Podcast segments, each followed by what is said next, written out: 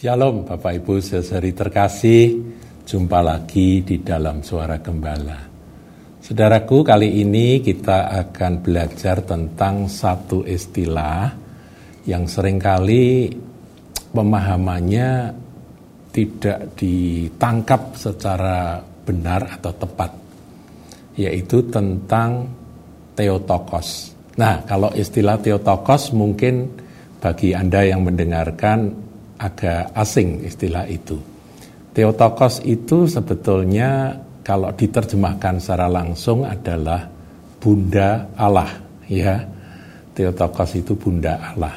Nah, tentunya ini menunjuk kepada gelar atau sebutan untuk Bunda Maria, e, ibu dari juru selamat kita, Tuhan Yesus Kristus. Saudaraku, kalau kita kembali kepada nubuatan di zaman raja-raja, yaitu nubuatan yang sangat sangat kuat eh, di dalam Yesaya 9 ayat yang kelima. Ini biasanya merupakan ayat dasar dari berita Natal, saudaraku. Dikatakan sebab seorang anak telah lahir untuk kita, seorang putra telah diberikan untuk kita. Jadi benar-benar anak laki-laki ya, seorang anak putra laki-laki diberikan untuk kita. Ini adalah nubuatan untuk eh, hadirnya atau datangnya Sang Mesias, yaitu Tuhan kita Yesus Kristus Sang Juru Selamat dunia.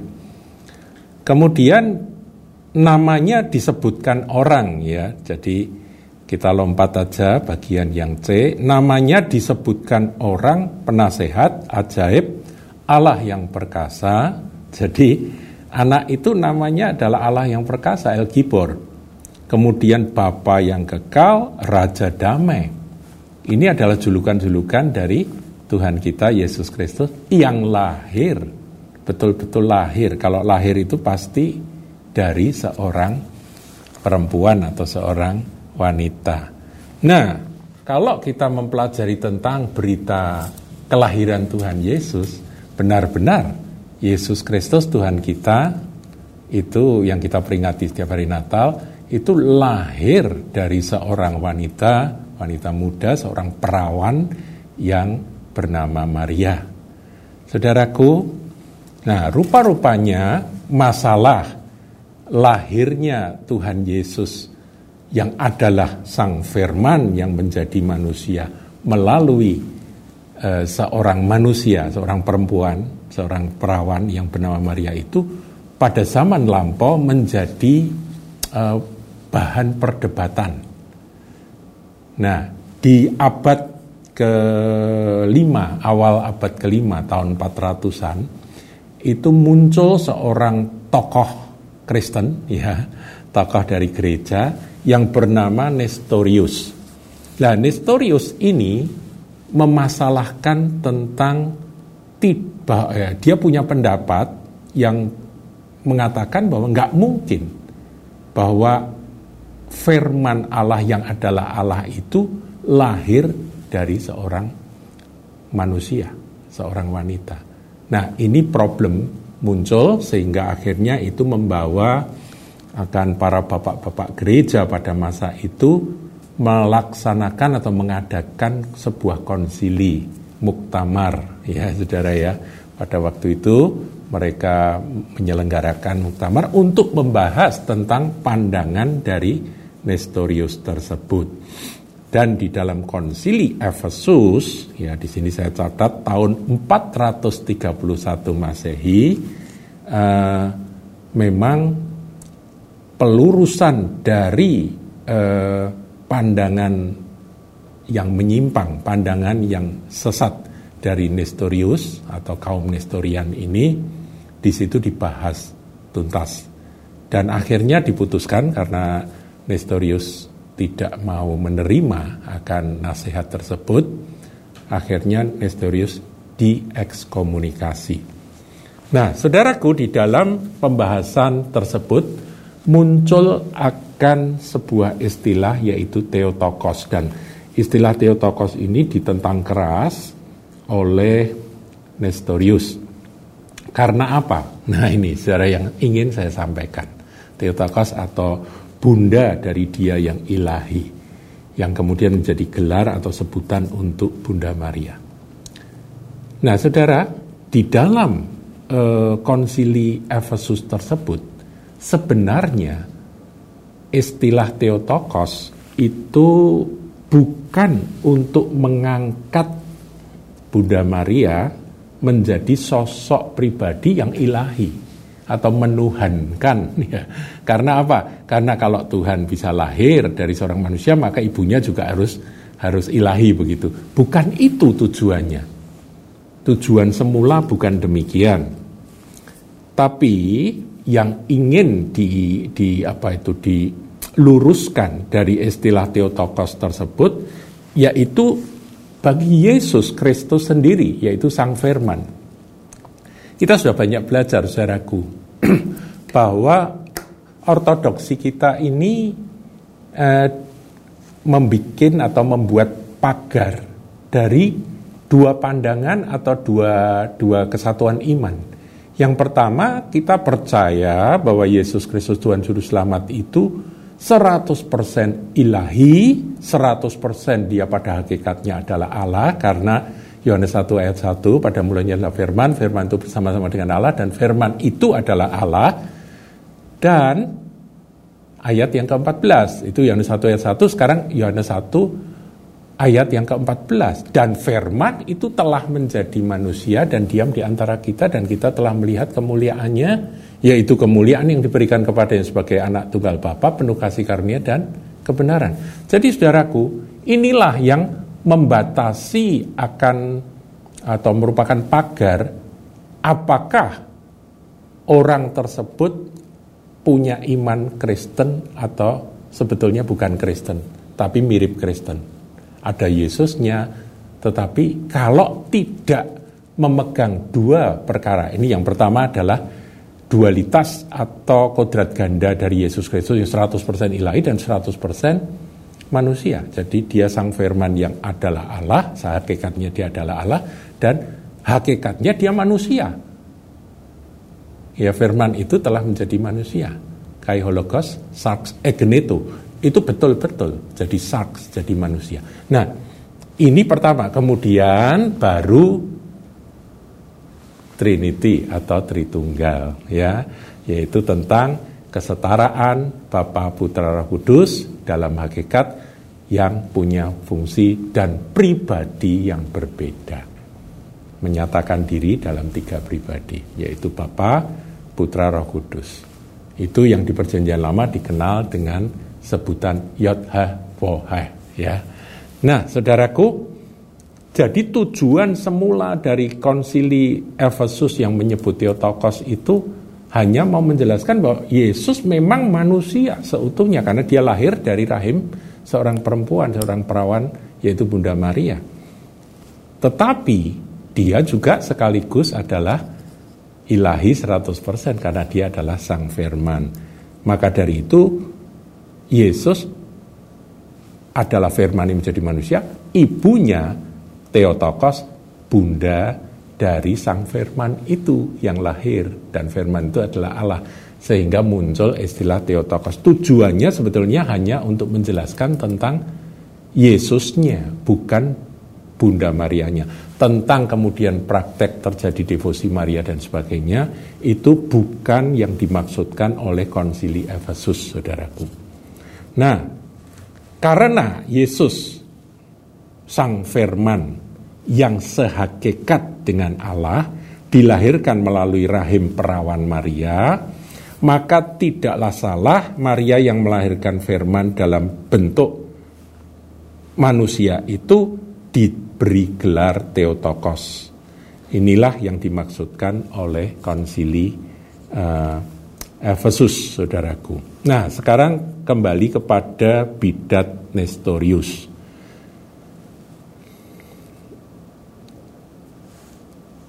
Jadi eh, ini saya saya tambahkan saudaraku ini dari catatan sumber yang saya pelajari, gelar Theotokos di Konsili Efesus adalah menunjukkan keilahian Yesus Sang Firman, Jadi sesungguhnya awal mulanya itu penghormatan siapa yang dilahirkan Maria, bukan Marianya. Paham ya saudaraku ya, itu awalnya tentang kemudian terjadi penyimpangan dalam praktek, sehingga muncul devosi Maria, doa kepada Bunda Maria dan sebagainya, itu tentunya bukan apa yang dimaksudkan oleh konsili Efesus. Nah, Nestorius menyatakan bahwa Maria itu hanyalah Theo Antropotokos. Dia hanyalah eh, apa itu? Bukan bukan ini, bukan bukan Theotokos, jadi bukan bunda dari firman yang ilahi itu, tapi dia lebih kepada manusianya. Itulah yang di terus secara ngotot disampaikan oleh Nestorius. Tipis sekali saudaraku. Tetapi ini ternyata waktu saya dalami bisa berbahaya. Dulu saya pernah sampaikan tentang uh, rel kereta api itu harus sejajar dari Semarang sampai Jakarta 500 km harus sejajar, saudara. Nggak boleh satu ini nyimpang barang satu mili atau setengah mili. Sebab kalau setengah mili atau satu mili tidak kelihatan mata. Tapi kalau itu konsisten diteruskan maka akan terjadi gimana? belahnya makin lama makin jauh. Nah, seperti itulah hal-hal yang eh, apa perlu dibahas dalam ortodoksi kekristenan. Hal semacam ini saya sadar saudaraku kurang menarik bagi Anda yang tidak mendalami. Tetapi saya harus sampaikan, ini merupakan hutang saya kepada jemaat dan kepada Bapak Ibu yang sempat mendengarkan akan pembahasan ini, yaitu kodrat ganda dari Tuhan Yesus itu sesuatu yang nggak bisa ditawar. Demikian juga Tritunggal sesuatu yang tidak bisa ditawar. Di luar itu atau penentang dari dua pandangan itu, mereka sesungguhnya berada di luar Kristus. Yang mereka harus ditarik masuk ke dalam pandangan tersebut. Nah, saudaraku, jadi kaum Nestorian yang di, diajarkan oleh Bapak Nestorian yaitu Nestorius menyatakan tidak mungkin Allah itu menuzulkan atau menurunkan firmannya menjadi manusia. Jadi dia menolak saudara. Menolak Yohanes 1 ayat 14. Firman itu telah menjadi manusia. Dia bilang firman tetap firman, ya jadi olah orang pinter ini Nestorius ini firman tetap firman, manusia tetap manusia, gitu ya. Jadi Yesus itu adalah seorang manusia yang didiami oleh firman atau semacam rumah bagi logos. Itu pandangan misterius. Sekali lagi sepertinya tipis sekali pandangannya. Ngono gitu ya saudara. Cuma begitu saja kok kok jadi bidat. Ternyata memang benar saudaraku. Sekarang ini orang kebingungan memandang siapakah Yesus anak Allah itu pandangan mereka, pengertian mereka bisa macam-macam. Dipikirnya Yesus itu manusia kudus yang saking saking kudusnya, memang dia manusia kudus, saudara nggak salah. Kemudian dia uh, apa dihinggapi oleh oleh Allah begitu. Ya, saudaraku, ini berbahaya. Jadi Nestorius itu salah memahami tabiat ganda atau dualitas dari Kristus Yesus tadi. Nah, sekarang kita harus tegaskan saudara bahwa gereja, gereja rasuli maksudnya gereja yang mempertahankan dan menjaga akan iman rasuli, iman dari rasul-rasul Tuhan Yesus yang kemudian dilanjutkan oleh bapak-bapak gereja, itu menolak akan pengertian peleburan yang ilahi dengan yang manusia. Nah, padahal pengertian inilah yang kalau kita kembangkan itu nanti pandangan Nestorius ke sana. Jadi manusia yang kemudian adanya yang ilahi itu melebur masuk dalam yang manusia ini. Yesus itu seperti itu begitu ya. Nah, ini kan sama dengan ajaran uh, Islam Jawa yang dikembangkan oleh Syekh Siti Jenar ya salah satu dari sembilan wali songo itu saudaraku ya. Dengan istilah yang peken saudara yaitu manunggaling kawulo gusti. Leburnya uh, gusti dengan saya gitu ya kawulo Nah, saudara itu bukan iman Kristen, iman yang dimiliki oleh gereja rasuli, saya ulang lagi, firman turun menjadi manusia Yesus di mana kedua hakikat yaitu hakikat yang ilahi sebagai sang firman 100% ilahi dan hakikat manusia seperti yang dijanjikan di dalam Yesaya 9 ayat 5 tadi itu satu wujud yaitu Yesus Kristus Tuhan kita yang lahir sebagai manusia di kandang Bethlehem. Kemudian dia dibesarkan oleh keluarganya di Nazaret dan kemudian dia tampil sebagai rabi, guru, Tuhan dan juru selamat kita. Siapakah dia? Nah, pengertian yang benar tentang anak Allah dia adalah 100% ilahi dan 100% manusiawi. Jangan dipisah-pisah. Meskipun pada waktu dia mati dikatakan dalam keadaannya sebagai manusia, dia telah mati. Sebagai manusia memang dia mengalami akan apa yang manusia bisa alami. Manusia mengalami apa, dia mengalami itu. Tapi dia tetap ilahi. Nah, sekarang Lukas 1 ayat 39 sampai 43. Lukas 1 39 43. Ini tentang pertemuan Maria dan Elizabeth. Beberapa waktu kemudian berangkatlah Maria dan langsung berjalan ke pegunungan menuju sebuah kota di Yehuda. Di situ ia masuk ke rumah Zakaria dan memberi salam kepada Elizabeth. Dan ketika Elizabeth mendengar salam Maria, melonjaklah anak yang di dalam rahimnya dan Elizabeth pun penuh dengan Roh Kudus. Lalu berseru dengan suara nyaring, diberkatilah engkau di antara semua perempuan dan diberkatilah buah rahimmu. Ayat 43, saudaraku. Siapakah aku ini sampai ibu Tuhanku datang mengunjungi aku? Jadi memang benar Maria adalah ibu dari Yesus yang adalah Tuhan. Nah kembali pada istilah Theotokos yang tadi saya angkat ya, Bunda Allah ya. Itu dimaksudkan bahwa Yesus Kristus yang dikandung oleh Bunda Maria ini adalah benar-benar 100% ilahi. Meskipun dia juga 100% manusia. Nah, saudaraku, inilah iman Kristen yang benar. Nah, saudara, bagaimana sekarang pandangan kita terhadap pribadi dari Bunda Maria? Saudara, kita sebagai umat Injili ya, umat Injili, kita punya pandangan bahwa Bunda Maria adalah satu pribadi yang sangat kita kagumi karena dia dipilih untuk melahirkan uh, Sang Mesias, melahirkan akan Yesus Kristus yang 100% Allah dan 100% manusia itu. Dia dipilih, tentunya dia adalah wanita pilihan Tuhan. Jadi itu satu. Kedua, apakah kita uh, menuhankan Bunda Maria? Tidak sama sekali. Tidak sama sekali. Itu iman kita, saudaraku ya. Iman Alkitabiah tidak pernah memerintahkan kita menuhankan akan Bunda Maria.